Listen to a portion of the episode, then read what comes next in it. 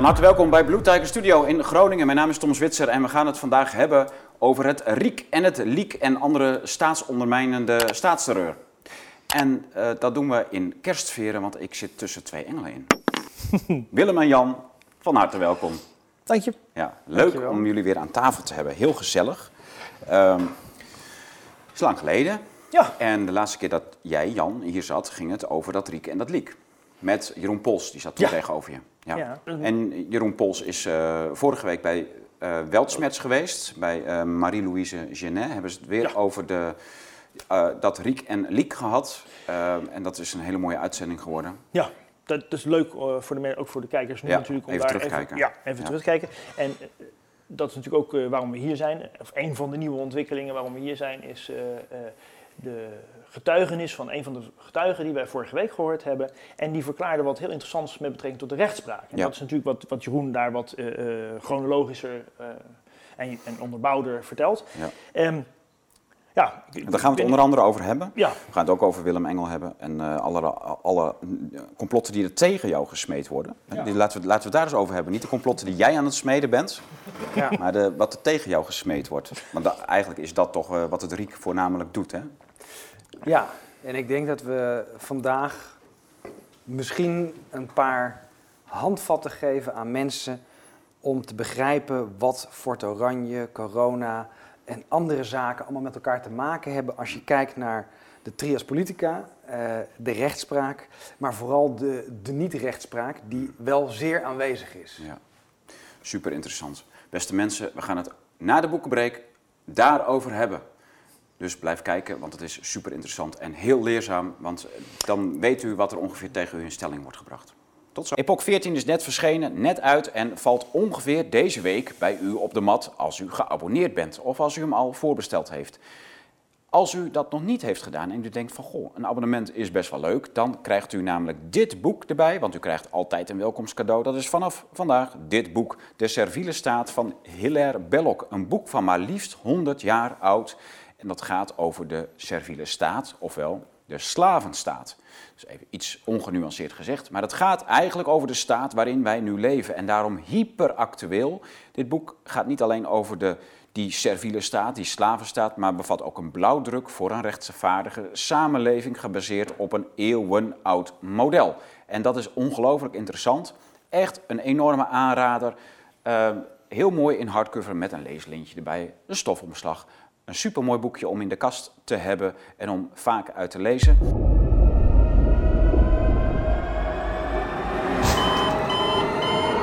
Welkom terug naar de Boekenbreek bij Tiger Studio in Groningen. We gaan het hebben over het Riek en het Liek. En daar zijn al wat uitzendingen over gemaakt. Vorige week Jeroen Pols bij eh, Café Weltsmerts. En een aantal maanden geleden ook hier aan tafel Jan eh, Wil Engel.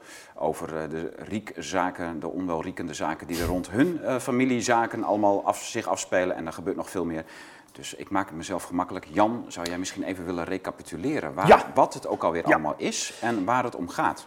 Ja, eh, nou, de RIEK is een, een, netwerkorganisatie, zoals ze het zelf noemen. Ehm, ja, goed, dat, dat, dat zal niet-juristen misschien niet direct heel veel zeggen. Waar het om gaat is dat er een aantal overheidsorganisaties bij elkaar gaan zitten. En die, eh, die hebben een lijstje met mensen die ze graag uit de weg willen ruimen. In de figuurlijke zin, hè Onschadelijk willen onschadelijk maken. willen maken. En dan, gaan ze, eh, dan komt er een signaal binnen. Nou, we hebben eh, volgens mij op, bij de vorige keer hebben we dat ook eh, bij het filmpje geplaatst. Het signaalbeeld en, en het interventieadvies en allemaal. En wordt van allerlei wordt, wordt gedocumenteerd. Ja.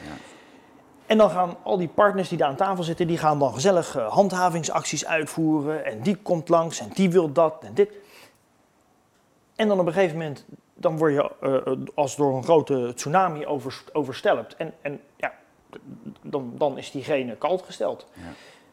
Het interessante natuurlijk is om te weten dat eh, het wordt je niet verteld dat je daarvan eh, onderdeel bent. Eh, er is ook geen enkele sprake van, van eh, verdenking van strafbare feiten. Want dan komt natuurlijk gewoon eh, artikel 7, eh, 27 strafvordering. Hè, en dan heb je waarborgen voor strafrechtelijk onderzoek. En, dat is er allemaal niet. Want dit hele RIEK is een soort pseudo, ja, rechts, rechtsvorm is eigenlijk niet accuraat. Want het, is, het heeft niks met recht te maken. Is het geen publiekrechtelijke instelling? Nee, het is een netwerkorganisatie. Het heeft Ah, geen rechtspersoonlijkheid, dus je kan het ook niet aanspreken. Ze, ze hebben... Dat niemand die- verantwoordelijk. Nee, Kijk, er is niemand handig. verantwoordelijk. Ja, Ja. Moeten wij dat niet aan doen, zoiets? Eh, ja, maar het mag niet. Hè? Dus als wij dat Oh. zouden doen, dan, dan worden we daar waarschijnlijk op aangesproken. Ja. Ehm, Jammer. Ja. Nou ja, en, en, en misschien denken mensen, hè, want vorige keer ging het over Fort Oranje, dat denk je, ja, ach, Fort Oranje, een camping met wat, wat mensen. Nee, Tokkies, drugs. maar het kan Ja. iedereen overkomen, want er is dus geen rechtelijke toets. En het gaat niet over strafrechtelijke verdenkingen, die we vastgelegd hebben in een, in een wetboek van strafrecht. Nee, het gaat over ongewenst gedrag. Maar wat ik vandaag ongewenst vind, of wat, eh, kan, kan ik morgen weer heel leuk dat, vinden. dat wil niet. zeggen, het komt hun daarboven slecht uit. Hè? Ja, nou ja. Bad publicity, slechte PR. de- Dan ben je al snel Dus, eh, ongewenst. Dus, maar dan ben je als burger eigenlijk al een soort van. Word je, word je al. eh, eh, ja, verwacht wordt er van je dat je een soort PR-machine van de overheid bent of van het bestuur. Als je er Ja. slecht over praat of kritisch bent, dan ben je eigenlijk al ongewenst. Of Ja, dat- dat, zou eh en de als je dan, veel, kunnen zijn. als je dan Maar- veel bereik hebt, dan ben je helemaal. eh, Ja. Maar Ja. het, het probleem is natuurlijk dat je dat niet kan weten, omdat dat nergens vast ligt. ja. Nou ja, belangrijker misschien nog, is dat je je ook niet tegen kan verweren. Ja. Omdat er geen telastenlegging is, gebeuren er allemaal dingen. En meestal kom je er pas halverwege achter, doordat je door allerlei instanties wordt aangepakt, wat er Ja. nu Ja. bezig is. Je bent ineens je- een bankrekening kwijt. Je bent ineens.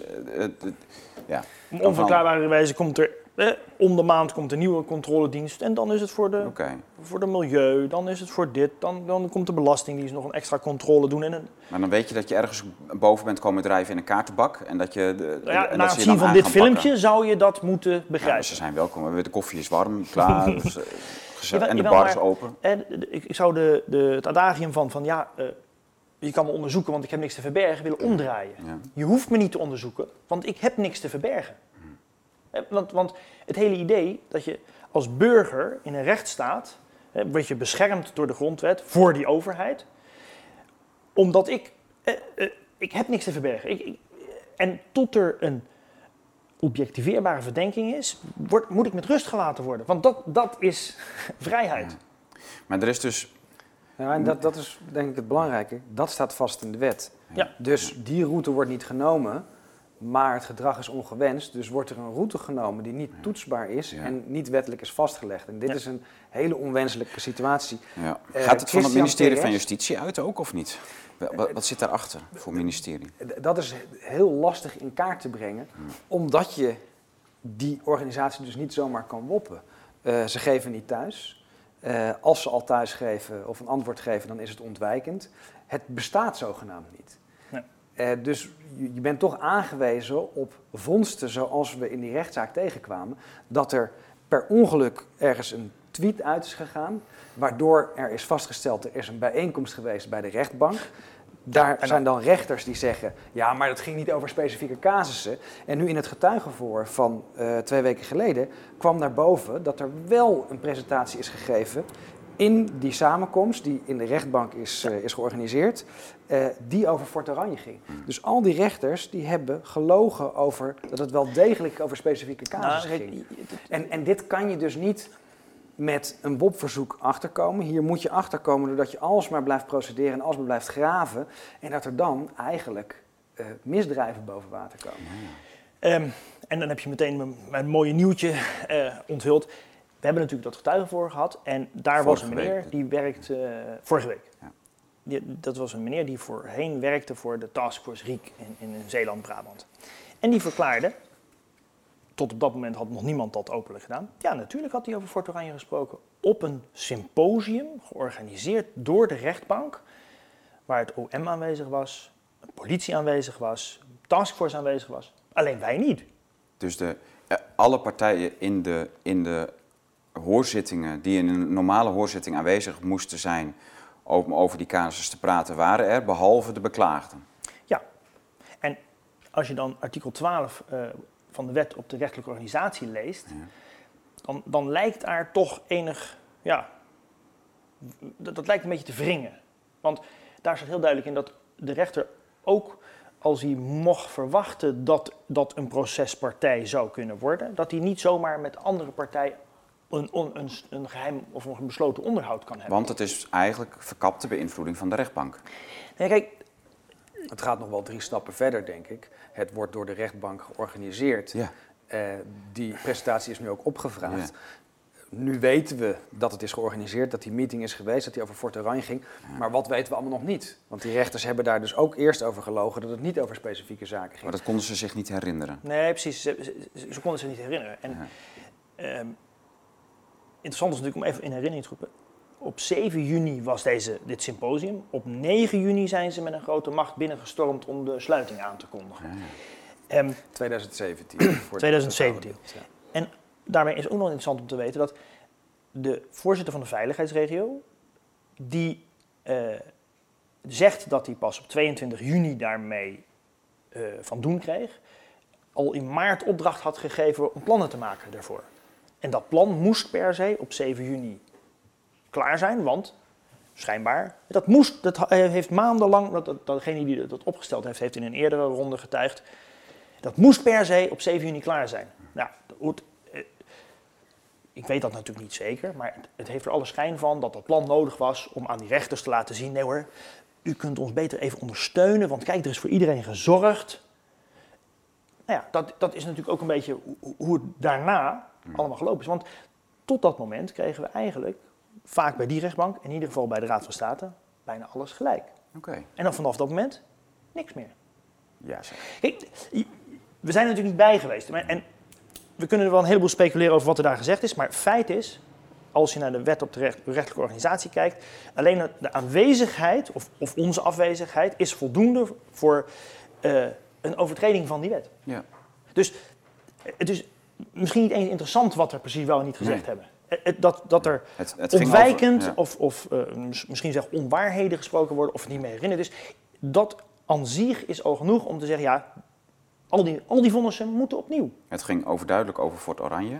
Ja. Dat werd daarna door de rechters eh, ontkend. Ze hadden er geen actieve herinnering meer aan. Maar vervolgens zei dus een politieagent afgelopen week dat het dus wel over Fort Oranje ging. En dan, Ja, ja, nou dan, sterker nog, niet alleen zei hij dat het erover maar ging, dan nee, heb je gewoon drie of vier gronden tot wraking, toch? hij zelf had die presentatie gegeven. Ja. En het was een positief voorbeeld van de integrale handhavingssamenwerking. Ja, ik bedoel, dat is niet iemand die... Eh, ja. Ja, en dan als we dan uitzoomen. We weten nu dus dat dit soort eh, heimelijke driehoeksoverleggen plaatsvinden om onwenselijk gedrag te bestrijden. Ja. Dus dat er acties buiten de wet plaatsvinden. Waarom zouden wij aannemen dat het bij het coronaverhaal anders is? Ja. Ja. Ja, Ja. ook daar kan... ja, dat klopt. Het, het- Maar het, het is natuurlijk heel apart dat je in Nederland een, eh, een, een, ges- een gescheiden machtssysteem hebt. En de, dus de rechters die de vrouwen justitia moet geblinddoekt eh, kunnen horen en vonnissen.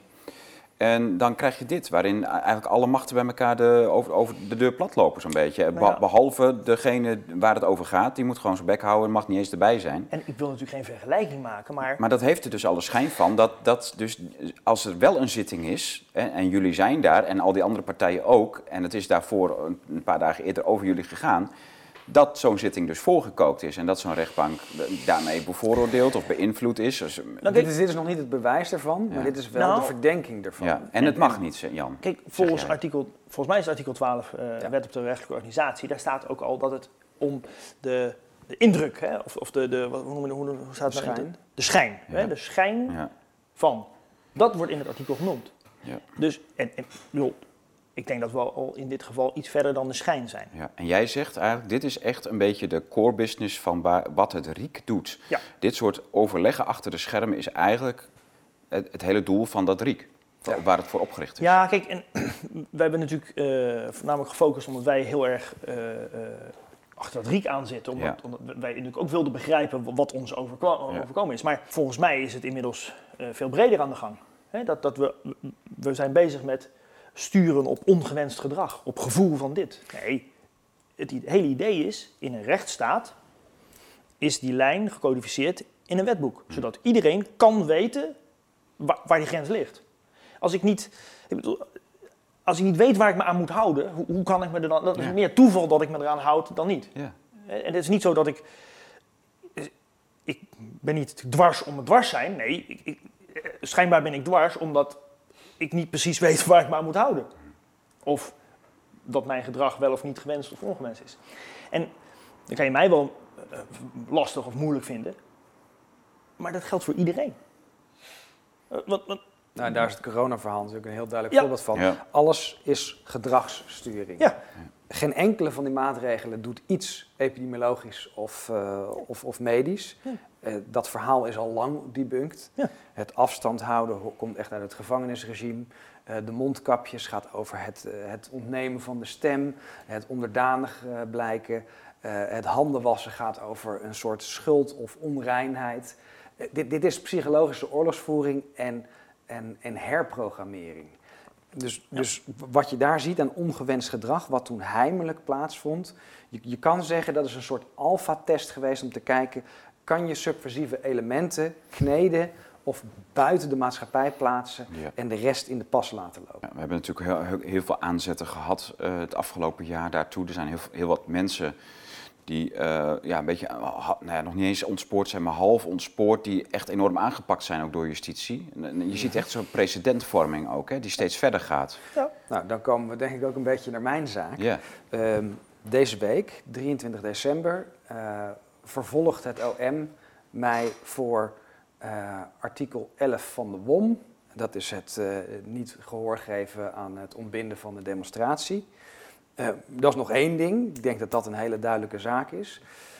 Dat het onrechtmatig is wat het OM doet. Maar het andere, die is nog interessanter. Dat is de vervolging zogenaamd op opruiing. Nou, opruiing is een vrij vage klacht. Mhm. Het gaat eigenlijk over het aanzetten tot onrust of geweld tegenover het openbaar gezag. ja. Maar wat je daar ziet, is dat ik mij altijd aan de wet hou.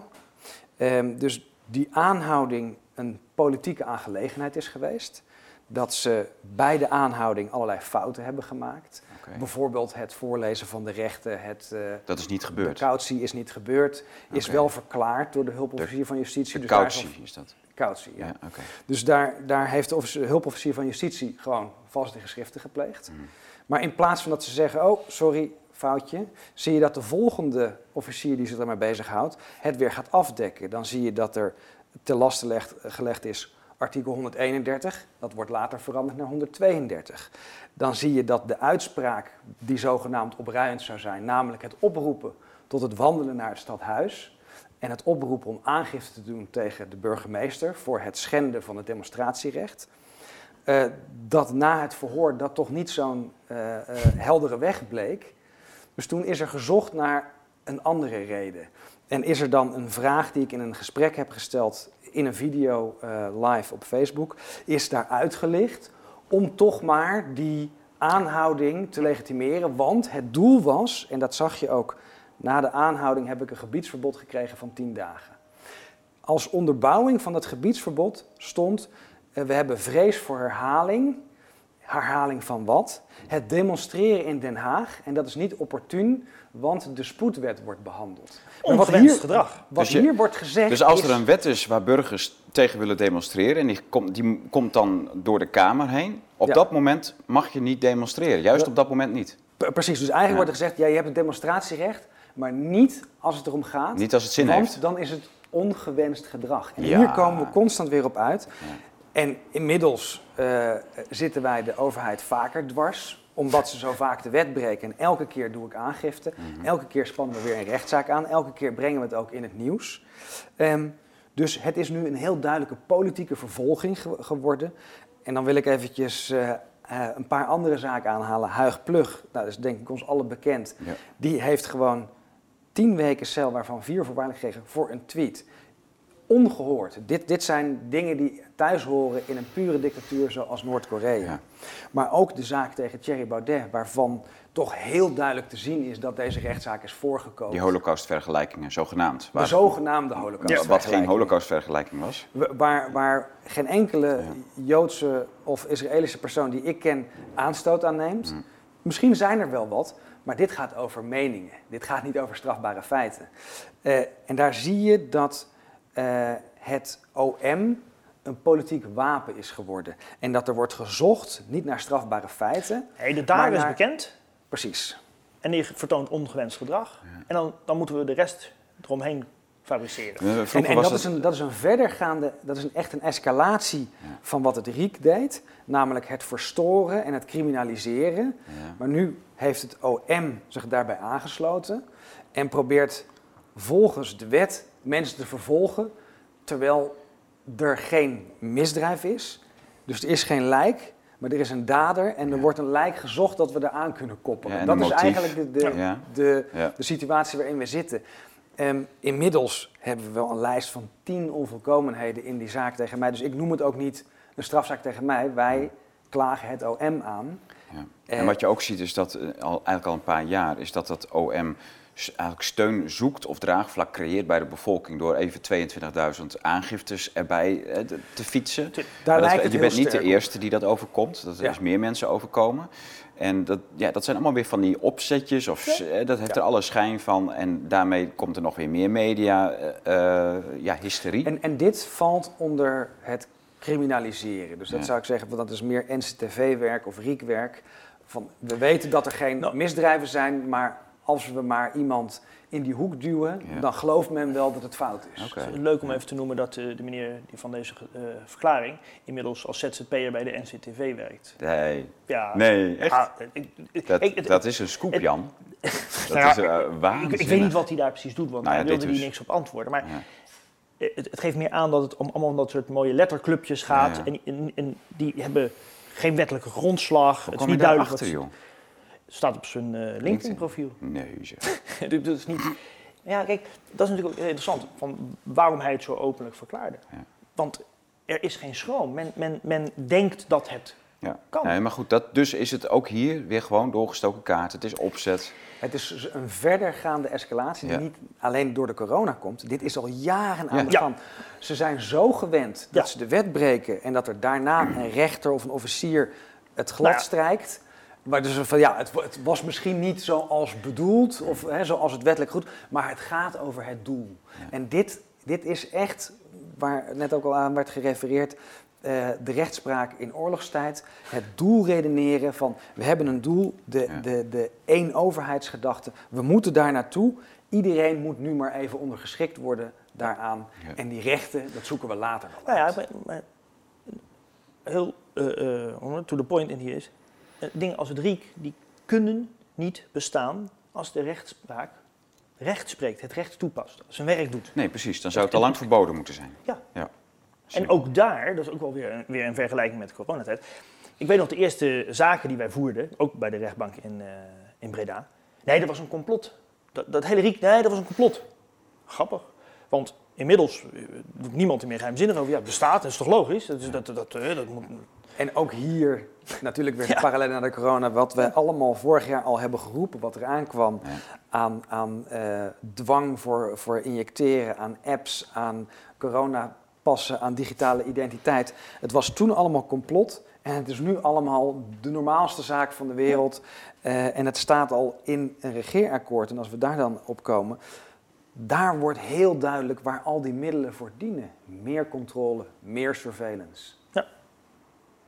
En dit is, het RIEK is een soort alfa-test van hoe, hoe ver kunnen we gaan. En kennelijk kunnen ze oneindig ver gaan en, Ja. en is de, de rechtspraak in slaap gesust. Ja. ja, jullie hebben het uh, regeerakkoord doorgenomen. Jan, jij zei dat, er, uh, dat die diensten die zich hier sterk voor maken, zoals NCTV, goed beloond worden in de komende regeerperiode. Nou ja, dat staat voor het, uh, volgens mij was het, het kopje verstevigen van de rechtsstaat. Ah, ja, dat is tuurlijk, natuurlijk ja, die, ja. die eufemistische uh, Ja. formuleringen. Die, die, en, en, en inlichtingendiensten en zo, die krijgen allemaal extra geld. Honderden miljoenen extra. Maar de vraag is natuurlijk, ze zullen heus blij zijn met dat geld. Dat, dat vinden ze altijd wel een mooie bestemming voor. Hè? Misschien nog wel wat bestellingen van spullen die je later kan weggooien. En, en. Maar veel belangrijker is dat de, de praktijk waarvan ze zeggen dat ze dat willen doen, dat, dat is al de normaalste zaak van de wereld. Het, het gaat er alleen om, om, om het legitimeren, om, om een soort pseudo-wettelijke grondslag. En dan, dan, de wet op de gegevensdeling voor samenwerkingsverbanden noem ik dan nog eventjes, de, de WGS, waarvan zelfs de Raad van State vond dat dat misschien toch niet in de huidige vorm niet zo'n goed idee was, die is gewoon aangenomen. Hm. En daarmee lijkt het, lijkt alsof er een wettelijke grondslag is voor de gegevensuitwisseling tussen allerlei partners. Maar ook daar wordt genoemd, maar natuurlijk wel met doelbinding. Ja, nou, en dat is de essentie, er is geen doel. En dan kan je nog zoveel zeggen, ja, maar kijk, er is een wettelijke basis. Ja, maar er is geen doel. Want er is geen verdenking, er is geen onderzoek. En als ik die dan eventjes koppel aan wat we nu hebben gezien uit de WOP-verzoeken en uit de, eh, het gedrag van de politie. Alle demonstranten die naar anti-overheidsdemonstraties gaan, wat ook wel coronademonstraties tot in onrechte wordt genoemd, die worden geregistreerd. Nummerborden. En we hebben, we hebben daar in Hilversum 19 december, toen we ook weer onrechtmatig na de demonstratie buiten hete daad werden opgepakt, hebben we daar melding van gemaakt. Daar stonden agenten nummerborden te fotograferen, mensen te fotograferen. Er is een hele database aangelegd, Nou, zonder opsporingsbevoegdheid, van mensen die hun grondrechten uitoefenen. En dit is toegegeven in meerdere WOP-verzoeken. En nu Nou, is het dan in, in nieuws over 14 maart. Er worden agenten vervolgd. Maar wat er in die WOP-verzoeken ook staat, is dat er dus vanuit de registraties eh, bekend was dat bepaalde mensen bij meerdere demonstraties zijn. Wat hier is gebeurd, is het criminaliseren ook weer van demonstranten. Mensen die hun grondrecht uitoefenen, nee, maar een ongewenst gedrag vertonen. Juist. Maar niet alleen hebben we dat met WOP-verzoeken gezien. Ik heb van mijn inzagerecht gebruik gemaakt, zoals ik dat wel vaker doe. En daar is mij door politiefunctionarissen, bij, dat inzage, bij die inzageafspraak, inderdaad, ja, ja dat was een nieuw eh, eh, actief onderzoek. Ja, ja, ik zeg maar, onderzoek, ik, ik, ik, ik, heb helemaal niets... eh. Nee, dat, dat is een, een datavergaarbak voor viruswaarheid. Oh, interessant. Maar dat is een inzage, dan moeten we even de, terugschakelen. nou, dat nee, inzagerecht, wat, wat, waar, wat zie je dan in? Alles waar jouw naam in voorkomt? Laten we onder dit filmpje even een standaard tekstje doen. Ja. Zodat mensen, de kijkers, Ja, de allemaal massaal zelf zo'n inzageverzoek gaan doen. Je kan op basis van de AVG ja. en op, de, op basis van de wet WOP. politiegegevens. Nee, nee, de WOP is een. Is een andere, ja, maar je hebt, Ja, je hebt meerdere inzagemogelijkheden. Kijk, Ja. bij, die, bij de wet politiegegevens en bij de AVG heb jij het recht om jij als persoon inzage te verlangen in door over jou opgeslagen persoonsgegevens. Dat, is een, dat is een heel simpel briefje. En dan moet je, er, zeker voor de WPG, dan moet je er naartoe. Ja. Want je mag niets kopiëren, je mag niks fotograferen, je mag niks, niks, in, niks. in welk dossier krijg je dan inzage? Ligt dat bij de IVD in Den Haag of in een, Nee, politiekantoor? Of? eh, dat, dat is één grote blackbox, daar Oh, krijg je niks. Oh, oh. Maar bij de politie, die heeft natuurlijk van jouw eerste parkeerboete of Ja. weet, weet je wat, dat is allemaal geregistreerd. En je hebt poli- politie, verschillende politiesystemen en er is eentje dat heet SumIT en daar staan alle lopende onderzoeken en dingen in. Nou, in, in, in dat systeem stond er voor mij een datavergaarbak viruswaarheid. Maar misschien heb ik het mis, maar volgens mij ik- ik- moeten ze daar nog een doel bij vinden. Ja, ja. Want, want dat is handig voor later als er... Ja. Ja, maar Dus handig voor later Ja, is ja. niet een legitiem doel. Precies, dus hier zie je weer, viruswaarheid is ongewenst. Mhm. Ja. We overtreden geen wetten, maar die moeten er later worden bijgezocht. Ja. Dus er is geen verdenking, er is dus ook geen bevoegdheid Nee. om gegevens te verzamelen en op te slaan, want daarvoor moet een concrete verdenking zijn. Maar we verzamelen het alvast, zodat als er dadelijk een opportun moment is, Ja. of dat er een politieke zaak moet worden gevoerd, dat wij in die vergaarbak verder een dossier kunnen maken waarmee wij kunnen criminaliseren en kunnen vervolgen. En dit is natuurlijk de glijdende schaal. Dit is de Stasi. Maar dit is nou schering en inslag, hè? Ja. Als je kijkt dat je eigenlijk een... eh, vroeger, je, ga- je zei terecht, Willem, had je een eh, de strafrecht of civielrecht, wat, wat voor recht dan ook. Er was eerst een feit of een delict of een, een, er werd een lichaam aangetrokken, getroffen.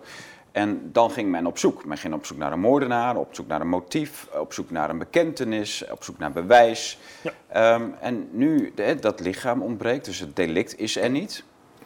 Ehm, dus er wordt geen wet overtreden. Maar toch kun je nu constateren dat er een heel deel van de rechtsgang in beslag wordt genomen door eh, ongewenste Ja. eh, Nou, mensen, dingen, initiatieven eh, bu- buiten of te pesten, de- aan Ja. te pakken.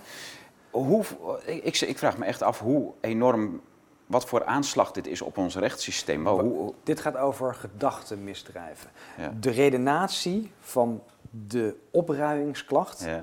Gaat over dat ik een vraag stelde van... hé, hey, we worden onrechtmatig ingesloten. Is dit dan een moment dat je agenten onder burgerarrest stellen? Want ze gijzelen nu, hè? Dus er stond ook nog een vraagteken achter. Het stellen, het iemand onder burgerarrest stellen op een heterdaad... omdat je een onrechtmatig iets ziet, een misdrijf... dat is eh, een burgerplicht, zou ik bijna zeggen. En daar is niks, daar is niks misdrijf aan, daar, dat is niet een overtreding. Maar je dat ziet het al iedereen bij. Assange, hè, de boodschappen worden aangepakt. Ja, Dat, dat, maar waar- dat is een, een Ja, Waar dit specifiek over tendens. ging, is dat de redenatie was, ja, maar het iemand onder burgerarrest stellen, dat, is, dat belemmert de agent in zijn uitoefening, die per definitie niet onrechtmatig is, want ze voeren een opdracht uit van het bevoegd gezag. En hier zie je dus de ver- ver- vermenging van, nee, nee, maar de staat doet het, dus is het goed. Ja. Ehm, dat is één punt. En een tweede punt is dat het belemmeren van die politieagent, daarvan moeten we verwachten dat die politieagent zich zal verzetten. En dat lokt dus geweld uit. En op die manier is het opruiing. En dat is zo ver gezocht, dan ben je dus drie aannames verder. En dan moet ik weer heel erg denken aan het verdenken van positief testen. Positief testen ehm, eh, is ziek zijn, is besmettelijk zijn, is schuldig zijn. En dan ben je vier aannames verder en dan denk ik, ho, wacht, even terug. Wat is er feitelijk gezegd? Was het een oproep? Nee. Was het een oproep of ging die vraag over iets onrechtmatigs? Nee. Hè, de vraag zelf of het burgerarrest. Waren de agenten in overtreding? Ja. Ja. Want je mag helemaal niet insluiten. En dit is schering en inslag geworden. Elke keer dat bij een vreedzaam protest agenten een cirkel vormen, is het een overtreding. Het gaat niet over wat het bevoegd gezag zegt. Het Waar- gaat erover dat dit via mensenrechten is verboden. En waarom heeft de wet dat verboden? Dat staat in de, in de Syracusa, eh, eh, of de, de Venice Commission, die nogal kritisch op Nederland is laatst. En dat was dan voor een ander gedeelte. Ehm, heeft een hele lijst gemaakt om de burgerrechten, met name de rechten eh, op eh, mass eh, protest of mass demonstrations, te waarborgen. Dat gaat dus ook over het niet vastleggen van persoonsgegevens Ja. van demonstranten. Het gaat dus ook eh, over het niet tot een vergunning maken van het aanmelden van je demonstratie. Maar is dat een conventie die Nederland ondertekend heeft? Absoluut, wij zijn hier aan gebonden. Ja, Dit, en, en hier krijg je weer het, het idee van, ja, maar de democratie zegt dat het bestuur het mag en het bestuur wil dit graag, dus we gaan het insluiten. Ik, ho, wacht. In een rechtsstaat zijn we ten eerste gebonden aan de grondwet, die garandeert onze grondrechten. En waar we samen naartoe gaan, dat is hetgene dat de democratie bepaalt. Nou, ik denk, ik denk dat je nog een stap terug kan zetten. Want eh, Nederland heeft zich natuurlijk verbonden aan, aan eh, verdragen zoals de EVRM, het Europese Verdrag van de Rechten van Mensen. Dus er zijn een heleboel, ik kom weer terug op die wet eh, gegevensdeling, samenwerkingsverbanden. Daar gaat het Nederlandse parlement niet eens over. Precies. Want het is in strijd met het EVRM. Ja. Dat gaat Precies. boven dit soort wetten. Dus ze kunnen in Den Haag wel van alles leuk daar eh, rubber stempelen. Maar ze Maar dan- gaan er niet Maar meer dat, in dat insluiten, hè, dan zegt een korpsbeheerder en burgemeester, die hebben dan zo'n dem- een democratie in het vizier en die zeggen dan doodelijk van ja, we hebben de, de, de eh, demonstratie ontbonden, want eh, ja, op basis van, eh, dan is er, eh, wat ze ook verzinnen, je hebt het vaak genoeg meegemaakt, ze verzinnen iets en eh, dan moet de demonstratie ontbonden worden en dan geven ze het bevel tot ontbinding van de demonstratie. Nou, dat gebeurt dan niet. En dus, ja, en dan hebben ze een strafbaar feit voor hun, waardoor zij tot insluiting overgaan. Ja, maar dat betekent dat ze je mogen arresteren. Dat betekent niet dat ze je mogen insluiten. Dat betekent En niet dat ze... ophouden. Nee. Precies, dus die gijzeling is Ja. niet... Het is gijzeling. Ja, die, Ja. dat is gijzeling. Want er is geen vordering geweest, er wordt Ja. ingesloten. En daarna worden er eh, soms ik- willekeurig mensen uitgepikt en gearresteerd. En dan pas word je gearresteerd. Maar die hele wederrechtelijke vrijheidsberoving daarvoor, daar ging die vraag over. Maar dan kom ik nog terug naar, wat zijn nou legitieme gronden om een demonstratie te beëindigen? Dat mag alleen de burgemeester doen. En daar zijn drie gronden. De openbare orde, de verkeersveiligheid en de gezondheid.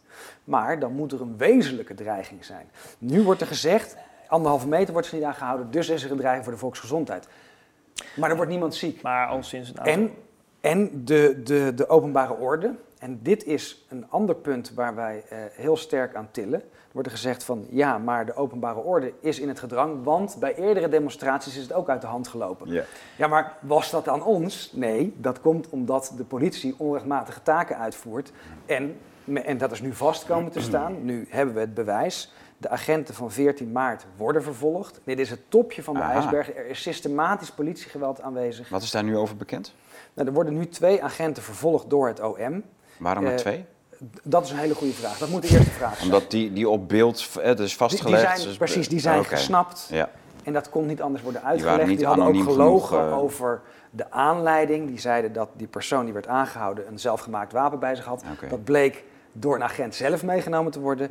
En die beelden die waren zo grof. Het dwingen van de hond iemand te bijten. Die persoon had zich al lang overgegeven en die werd door twee agenten afgeranseld en op zijn hoofd geslagen tot bloedens toe. Show. Dit, dit, was, dit was een beeld dat over de hele wereld is gegaan, wat exemplarisch is van de instructie die de politie heeft gekregen van het OM. Want we weten van burgemeester Van Zanen dat het OM beslist over de geweldsmiddelen. Als je dan weer kijkt naar die eh, Venice Commission, hoe kan je opschalen bij demonstraties? Alle regels zijn gebroken. Je mag nooit iemand op zijn hoofd slaan met een knuppel. Eh, je- het is uit den boze dat je een hond als een aanvalswapen gebruikt. De, de, de lijst is oneindig. Dat kan alleen zijn gebeurd doordat hoog binnen het OM, en ik denk dat het Ja. inderdaad direct bij Grapperhaus vandaan komt, in instructie is geweest van sla ze van het veld af. Alles is toegestaan. Want we zien het zo structureel. Afgelopen 19 november zijn er vijf mensen neergeschoten door de politie. Ik heb de beelden gezien. De meeste van die gevallen ging niet om noodweer. Hoe haal je het in je hoofd als politie, als je naar een demonstratie gaat, dat je überhaupt denkt dat je je vuurwapen kan gebruiken? Maar rechters zien die beelden toch ook? Die kijken toch ook gewoon naar het Maar er is een tunnelvisie ontstaan dat die rechter denkt, maar de Nederlandse staat is, eh, is in gevaar of eh, dit zijn railschoppers, die politieagenten die konden niet anders. Er, er, er is zo'n vanzelfsprekendheid dat de overheid het beste voor heeft, dan moet het wel de ander zijn die het heeft uitgelokt. Ja, ja. Dat is natuurlijk ook de verdienste van heel veel eh, mainstream media.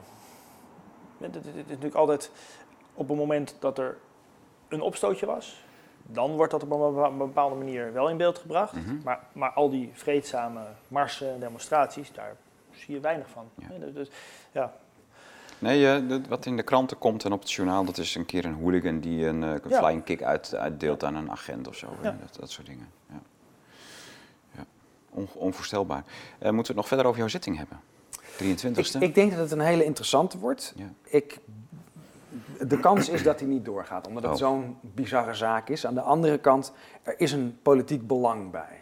En dat gaat weer over het criminaliseren. Ja. Dus wij zullen eh, onze zaak naar voren brengen. We hebben ook aangifte gedaan tegen het OM. Als antwoord kregen we, ja, maar het gaat over de zaak tegen jou, dus die kan je dan wel in je eigen zaak naar voren brengen. Nou, dat zullen we dan ook uitgebreid doen. Eh, interessant is ook dat eh, tijdens de eerste ronde getuigenverhoren, want we hebben daar een onderzoek eh, aangevraagd en de rechter is erin meegegaan, die heeft toen meerdere demonstranten gehoord. Eh, het OM heeft daar extra beelden aan toegevoegd die ik zelf nog niet had gezien, waarbij we de politie inderdaad een oproep zien doen, maar die oproep is hetzelfde als een noodbevel, namelijk in heel Den Haag is het niet toegestaan om te demonstreren. Iedereen moet zich uit Den Haag verwijderen. Nou, bij een noodbevel, dat is artikel 175 van de gemeentewet, dat kan alleen gegeven worden door de burgemeester. En daarna moet er een verslag komen en dat moet besproken worden in de gemeenteraad. Dat is allemaal niet gebeurd. Zo. Dus wij vinden dat we de eerdere vragen die we hebben gesteld, moeten we nu opnieuw vragen. Dus we zullen zeker vragen of Van Zanen eh, wil komen en duidelijk wil maken hoe dat dan in zijn werk is gegaan. Want er zijn drie demonstraties geweest eh, die kennelijk allemaal ontbonden zijn door de burgemeester. Die dag. Alleen in de procesverbalen zien we dat een officier van justitie een beslissing heeft genomen om het ontbinden van de demonstratie. Dus er zitten zoveel haken en ogen aan deze zaak. Eh, er is een politieke doel gegeven. Willem Engel moet gecriminaliseerd worden. Het maakt niet uit hoe je de wet buigt. Ja. En ik denk dat dit een hele mooie zaak is om te laten zien hoe het OM zich laat instrumentaliseren door de politiek om ongewenst gedrag te stellen. Ja. Dus we zullen, dat, eh, eh, eh, we zullen wederom een aantal onderzoeksvragen indienen. En ik ben heel benieuwd eh, wat de uitleg van burgemeester Van Zaan is. Ja. Hoe, hoe diep zit het riek in dit soort zaken van jou persoonlijk? Ik, ik denk dat zij de aansturende macht zijn. En zeker als je kijkt naar die vergaarbakken. Nou, kijk, maar je- dus je- er zijn... Je, Ja. je moet je voorstellen, het, het RIEK aan zich stuurt niks. Het is de, is zijn de partners. En, en Ja. het OM is een, een van de belangrijkste partners. Dus of ze dat nou helemaal zelf doen, of ze daar nog... eh, misschien is er wel alleen politie en OM-overleg. Maar het, het RIEK is een mooi eh, ja, vehikel om te laten zien hoe dat Want daar zetten ze alles nog op papier. Ja. Maar, dat was ook zo'n term, werking, is ook zo'n term uit het begin, hè, die integrale aanpak. Dat Ja. was wat die agent zei, omdat hij, dat, hij vond het zo mooi integrale aanpak, één Ja. overheidsgedachte, ondermijnende criminaliteit. Ja, maar daar moet ook wat over gezegd worden, want die één overheidsgedachte, hè, dus dat... eh, ja, China. we, heb- we hebben nu nog de schijn van gescheiden machten. We hebben eigenlijk, in praktijk hebben we dat ook nooit echt gehad. Maar dit is wel echt een hele brute... eh, ja, waar heb je eigenlijk... Je kunt toch ook gewoon een computer het eh, vo- vonnissen en politieke besluiten laten nemen... als toch alles op één hoop komt Grappig dat je dat zegt, want er zijn natuurlijk een aantal proeven geweest met digitale rechtspraak. En misschien is het helemaal niet zo slecht niet. Want als je alle voorgaande vonnissen in een computersysteem stopt, dat je natuurlijk wel... Heb je jurisprudentie? Nou ja, maar dan Ja. Krijg je waarschijnlijk, nou ja, afhankelijk natuurlijk van, hè, maar dat moet je dan openbaar maken, het algoritme. Maar het is veel moeilijker om die computer vervolgens voor die ene zaak te beïnvloeden. Dan komt er gewoon een toepassing van die regel uit, in theorie. Dat is natuurlijk, ja, het, het- in ieder geval het proberen waard. Want Ja. dan heb je die, die beïnvloeding, kan je dan al eh, een beetje ja, eruit snijden. Ja, en daar zie je het systeem in de Verenigde Staten, dat daar toch wel wat voor te zeggen is. Ja. We hebben het misschien nog te weinig gehad over wie de rechters aanstelt. En daar komen we in dit geval bij minister Dekker uit, waar we denk ik een volgende uitzending over eh, gaan maken. Omdat het heel interessant is wat hij heeft gedaan, niet alleen in, de, in het turnmisbruiksschandaal, maar ook in de zaak Atassoy met de islamitische scholen. Ehm, Het Haga Lyceum. het Haga Lyceum. Mhm. Eh, de aanstelling van de rechters is vanuit de overheid, maar is vanuit de eh, uitvoerende macht. In hoeverre is nu die af- onafhankelijkheid er? Eh, Gideon van Meijeren heeft natuurlijk hele goede vragen over gesteld. En die werd alsmaar weggezet als hoe kon die de onafhankelijke, prachtige rechtspraak zo in de hoek zetten? Wat dacht hij wel? We hebben in Nederland de mooiste en meest onafhankelijke en meest pure rechtspraak die je maar kan voorstellen. Maar als ik dan kijk naar de Verenigde Staten, waar een rechter wordt verkozen ook, daar kan je van alles van vinden. Maar in ieder geval heeft het volk daar een bepaalde invloed. Ja. Eh, en hier in Nederland is alleen maar de uitvoerende macht die invloed heeft. Overigens, eh, misschien nog wel leuk, want het is niet eh, een boekje van jou, maar eh, Groter denken, kleiner doen van, van meneer Cenk Willink. Oh, En eh, die heeft daar een heel hoofdstuk over de rechtspraak en wat daar allemaal toch wel wringt. Ja. En er zijn heel wat rapporten de laatste maanden Ja. verschenen. maar ik de- noem speciaal dat boek omdat hij natuurlijk een totaal onverdachte... Hij is minister van Staat, hè? vaak ook Precies. eh, aangesteld als... Hij is niet eh, stiekem lid of zo nee. van viruswaarheid. hij, is, Dat, hij is eh, vaak formateur voor kabinetten, ja, informateur. Ja, nee, oké. Groter denken, kleiner doen. ja, heel dun boekje, maar, maar het is, ja, geeft toch weer een, een, een leuk inzicht. Ja, ja we, we hebben dus een probleem zolang de overheid als, als één persoon optreedt, alsof ze spreken eh, voor Nederland en of ze het beste voor elke burger voor hebben. Ja. Het, het, het deficit aan democratie is nog nooit zo groot geweest Ja. in Nederland. Nou ja, maar, maar die één overheidsgedachte, die zie je in, in landen als China. Ja. En we hebben er al even aan, maar misschien nog handig om te noemen, omdat die rechters in oorlogstijd, dat, gaat, dat is een proefschrift, dat kan je gewoon googlen. Een hele leuke quote is dat, dat de, de nationaal-socialistische beweging het niet zo op had met de trios politica, omdat ze moesten toch als één overheid Jan, je gaat optreden. jaren 30 vergelijking. Ja, Nee, nee, nee, op, het is, hè. dit is Dus, natuurlijk heel zonder vergelijking. Ja. Maar ik, ik noem hem toch even, want dat Het gaat volgens mij over de jaren 40. Hoor. Ja. oh, oh, dan mag het. Dan mag Nee, het. nee, precies. Ja, Ja. Dus, maar is, je kan het googlen en Ja. ja. lees het dus. Ja, en dat, heeft, dat merk je dat dat nu op meerdere lagen naar buiten komt. Maar wat, Christian Teres, een van de Europarlementariërs die flink Ja, tekeer gaat. Roemeen, ja. De Roemeen. ja. Ehm, die heeft het ook over de Chinafication van Europa gehad. Nou. Dit is niet een lokaal probleem in Nederland. Dit zien we overal. Het, eh, het eh, wat is het, gerechtshof eh, van, eh, van de grondwet eh, in Duitsland. Die, Ja. die, die dus alles goedkeurt en eh, duidelijk eh, warme Ja. banden heeft. De voorzitter heeft warme banden met Merkel. Er is iets heel grondig mis met de scheiding der Ja. machten. Maar je ziet ook de afgelopen jaren, eigenlijk al sinds de boerendemonstraties, dat elk proces waar ook maar iets politieks aan zit, Het gaat allemaal dezelfde kant op. Verdedigt allemaal het overheidsbeleid. Zal nooit en te Ja. nimmer eh, de gedaagde of de beklaagde of de... En dan de- hoor ik mensen zeggen, Nooit. maar Urgenda dan, Ja. of de, wat is het, milieudefensiezaak? Nee, dat zijn zaken, dat zijn, die zijn tegen de Nederlandse overheid, zogenaamd, maar voor Voor het beleid wat al lang uitgestaan voor Agenda is. 2030, voor Ja, Europa. precies. Dat zijn die, die zaken bij Ja. uitstek. Want dan kan de overheid zeggen, ja, wij staan met de handen op de rug, maar we moeten, ja, de rechter Ja. heeft gesproken. Maar, Maar- zij hebben die handtekening onder dat akkoord gezegd, waarop die rechter natuurlijk dat Precies, vonnis eh, precies. doet. Ja. Dus het, dat is allemaal doorgestoken kaart En, ook en wie financiert uw agenda? Ja. Milieudefensie was dat. Wie financiert Milieudefensie? Volgens mij ging het via Milieudefensie of niet?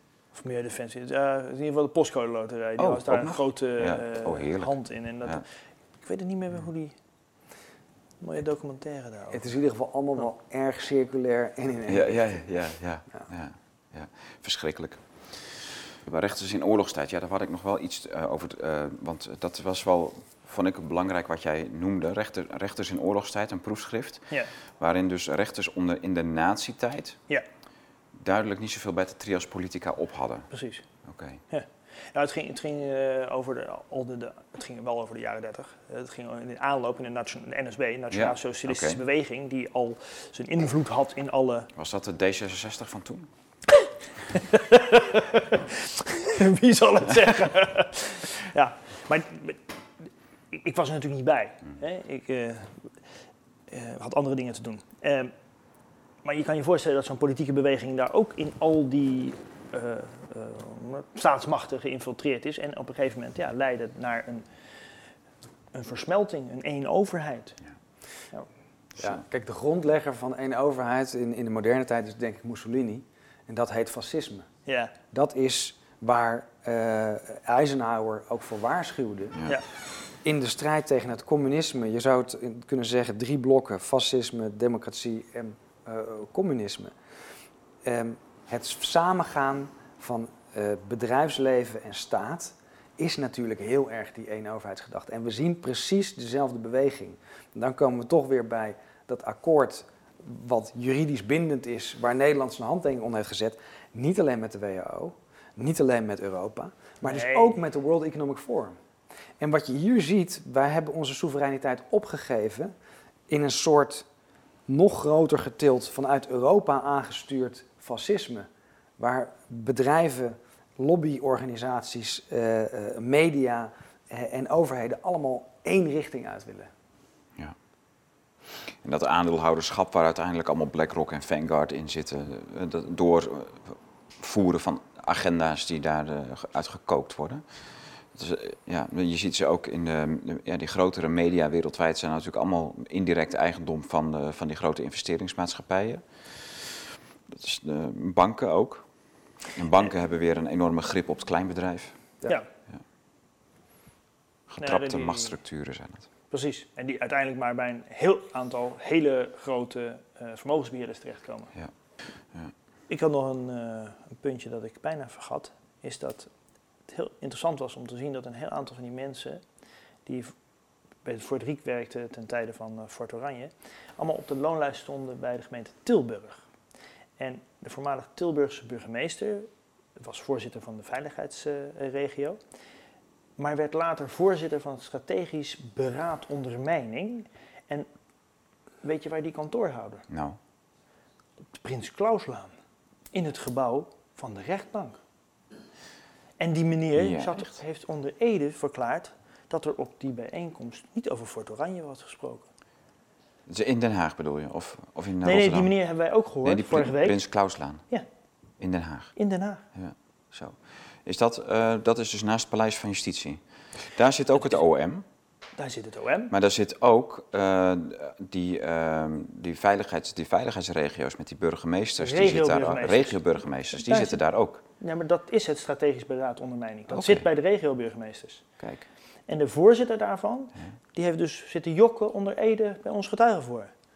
Want dat wilde ik toch niet eh, onthouden. Nee. Ja, ge- ge- genoeg aanleiding Ja. voor een volgende uitzending, denk Ja. ik. Ja. Strategisch beraad ondermijning. Ja. Gaan we even naar kijken, toch? Ja. Interessant. op de website van de regioburgemeesters.nl. Ja. Die zit een op, op schoot bij Gerrit van den Burg van het OM.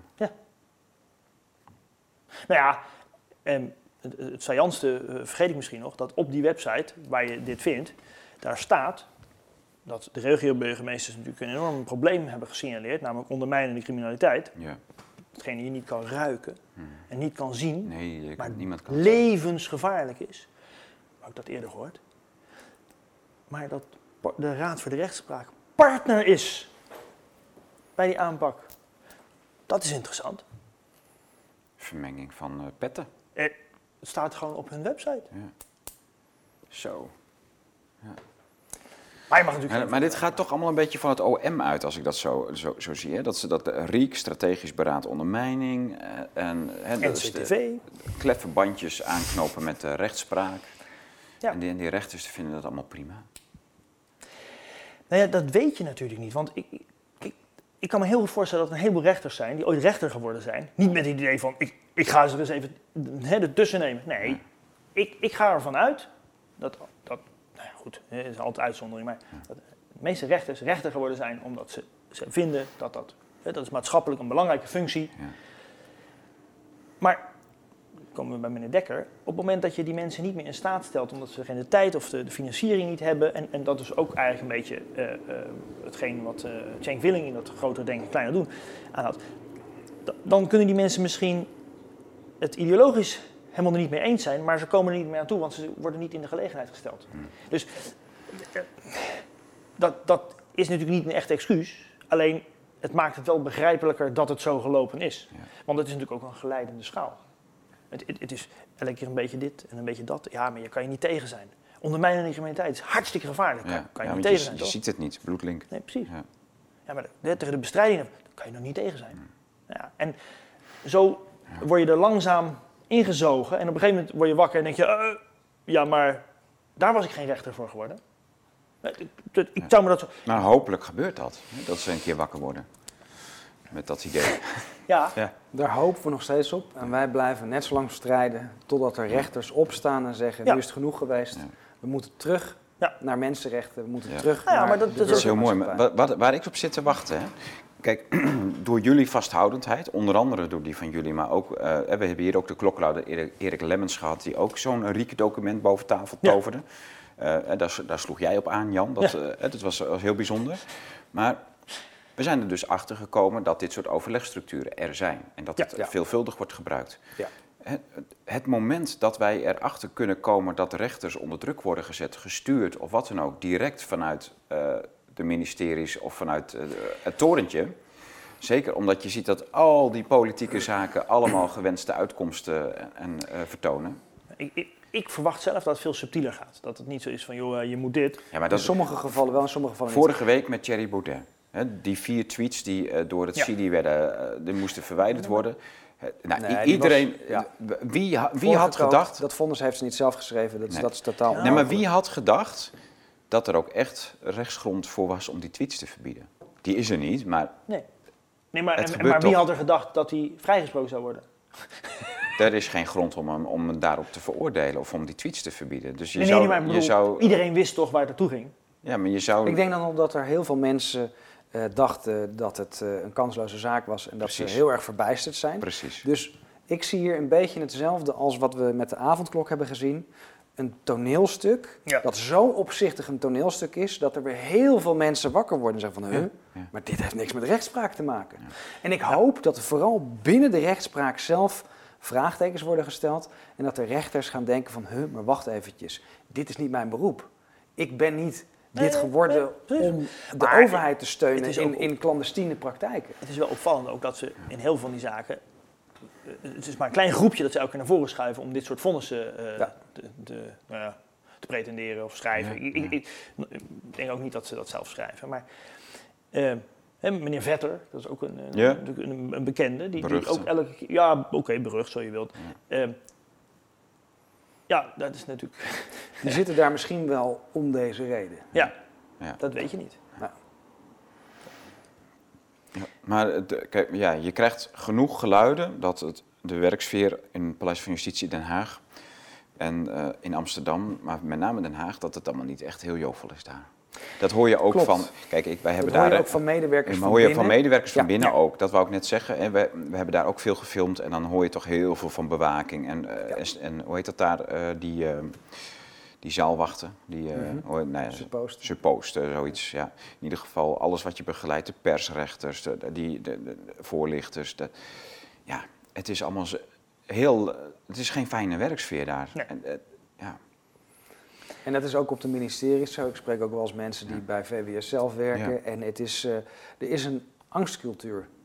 Ook in die ministeries. En dat is de enige manier hoe dit verhaal nog overeind blijft. Ja. Bang zijn- om het fout te ja. doen, bang om eruit geschopt te worden. Eh, het, het is niet meer een, een, een stimulerende cultuur. En ik hoop dat dat tot een explosie komt eigenlijk. En natuurlijk in figuurlijke zin. Eh, dat mensen aan de bel trekken en zeggen van ja, maar ik kan niet verder zo. Ja. Dit, dit is niet werkbaar. Maar dat, dat viel mij dus op. Hè. Wij zijn eh, ook, ik wou net zeggen, we zijn bij meerdere rechtbanken geweest waar portiers echt een warm welkom gaven. Ja, Blauwe tijger, ja, fantastisch. behalve in Breda. Oh, daar ben ik toch nog nooit geweest. Dat moet je eens proberen. Moeten we eens gaan doen. Dat, dat, dan heb je in ieder geval koude douche dus. Oké. maar dat toont dus aan, hè, deze mensen werken dag in dag uit met al deze rechters. Dat is hun, eh, dus het, is- het is het voetvolk van die rechters en iedereen die daar werkt, de advocaten, de, de officieren van justitie die daar in en uit lopen. Zij kennen deze mensen. Mhm. Ze weten dat er blijkbaar heel veel rotte appeltjes tussen rond eh, lopen. Ja. En dat blijkt dan ook uit zo'n warm welkom wat je krijgt. En, en, ja, Nou ja, ik, ik moet heel denken veel. aan, aan eh, weet je nog, dat we in, in Amsterdam waren. Ja. Ja. kom je eindelijk hier om, die, om dat mondkapje eraf te krijgen? Ja. Dat was, zij moeten ermee lopen ook. ja. Maar ik moet, ik moet trouwens wel een kleine correctie, want er waren ook in Breda, ondanks dat de, de chef en zo allemaal eh, moeilijkheden maakte zonder dat ik kon uitleggen waarom, waren er een aantal die dan stiekem achteraf zo, ja nee maar, volg jullie wel hoor. Ja. Maar ja, ik, moet ook mijn huur betalen. Maar er waren, ook daar waren er zelfs nog een paar. Maar dan bedankt. Dit roept Ja. om navolging. Er komt Ja. vast toch. eh, er, gebeurt binnenkort weer heel veel. Dus we gaan. Maar eh, ik ben heel benieuwd Mag naar. ik mijn oproep Ja. aan de kijker herhalen? Doe alsjeblieft inzageverzoeken. AVG, WPG, Oh, politiegegevens. Ja.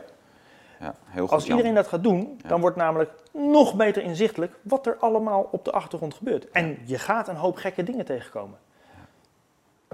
Heel goed. Dus doe allemaal eigen, je eigen AVG-onderzoek. En eh, dat is heel belangrijk. Wij moeten er een eind aan maken, want er beginnen subversieve activiteiten plaats te vinden buiten. En dat betekent dat we dus eh, heel kort, eh, ja, binnenkort BOA's voor de deur krijgen, denk ik. Jan en Willem, hartelijk dank voor jullie komst naar de studio. Ja, dank verre reis uit het Rotterdamse eh, en Haarlem, geloof ik. Nee, dat, dat is Jeroen. Oh, Jeroen, precies. Ja, Jeroen. Jeroen is er niet vandaag. Maar eh, jullie hartelijk dank voor je komst. Dankjewel. Ja. Bedankt voor het kijken. Vergeet je niet eh, te registreren op bluetooth.studio. Dat is heel belangrijk, want dan houden u en wij contact met elkaar. En dat is voor eh, moeilijke tijden die op komst staan. Bereid ons op alles voor. Eh, en als wij contact met elkaar kunnen houden, dan weet u zoal wat we nog doen en maken, want dat doen we ook voor u. Hartelijk dank voor het kijken en tot de volgende keer.